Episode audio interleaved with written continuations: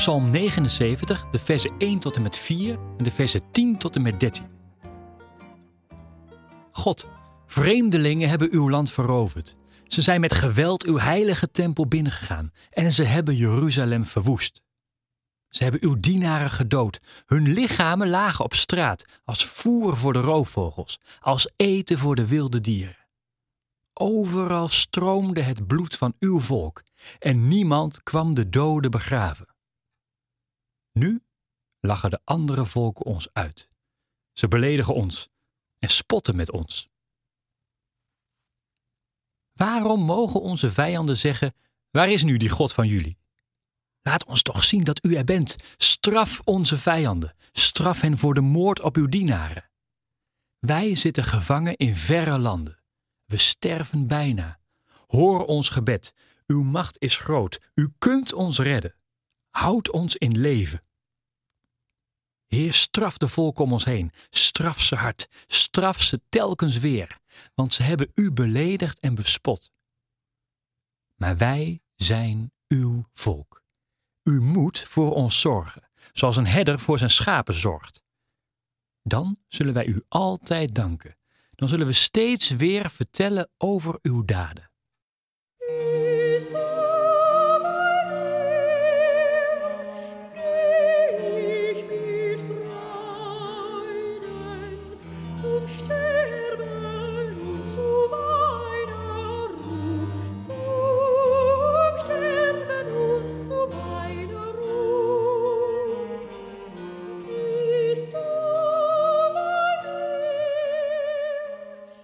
Wat een pittige psalm is dit.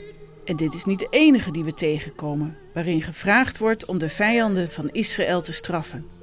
De woorden dreunen na. Straf de volken, straf ze hard, straf ze telkens weer, want ze hebben u bespot en beledigd. De psalm roept in eerste instantie afkeer bij me op. Afkeer van de toon, afkeer van dit fanatisme. Tenminste, zo klinken de woorden in onze tijd. Ik heb er moeite mee. Maar ik realiseer me ook dat ze gezegd worden door iemand die wanhopig is. En die klinken in een situatie waarin geen uitkomst is.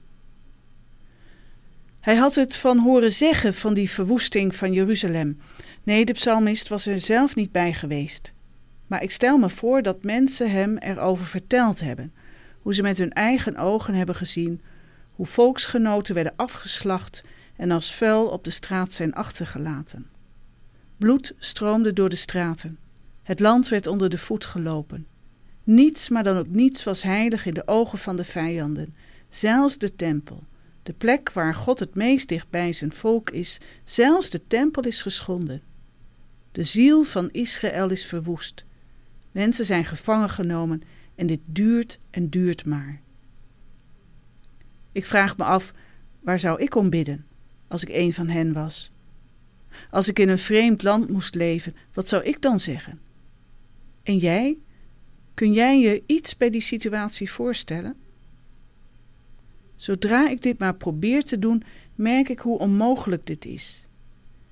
Ik kan er nog niet aan tippen wat het betekent als je land onder de voet is gelopen, als je huis wordt verwoest, als je familie wordt vermoord, als je moet vluchten, met alleen het hoogst nodige bij je met eigenlijk niets.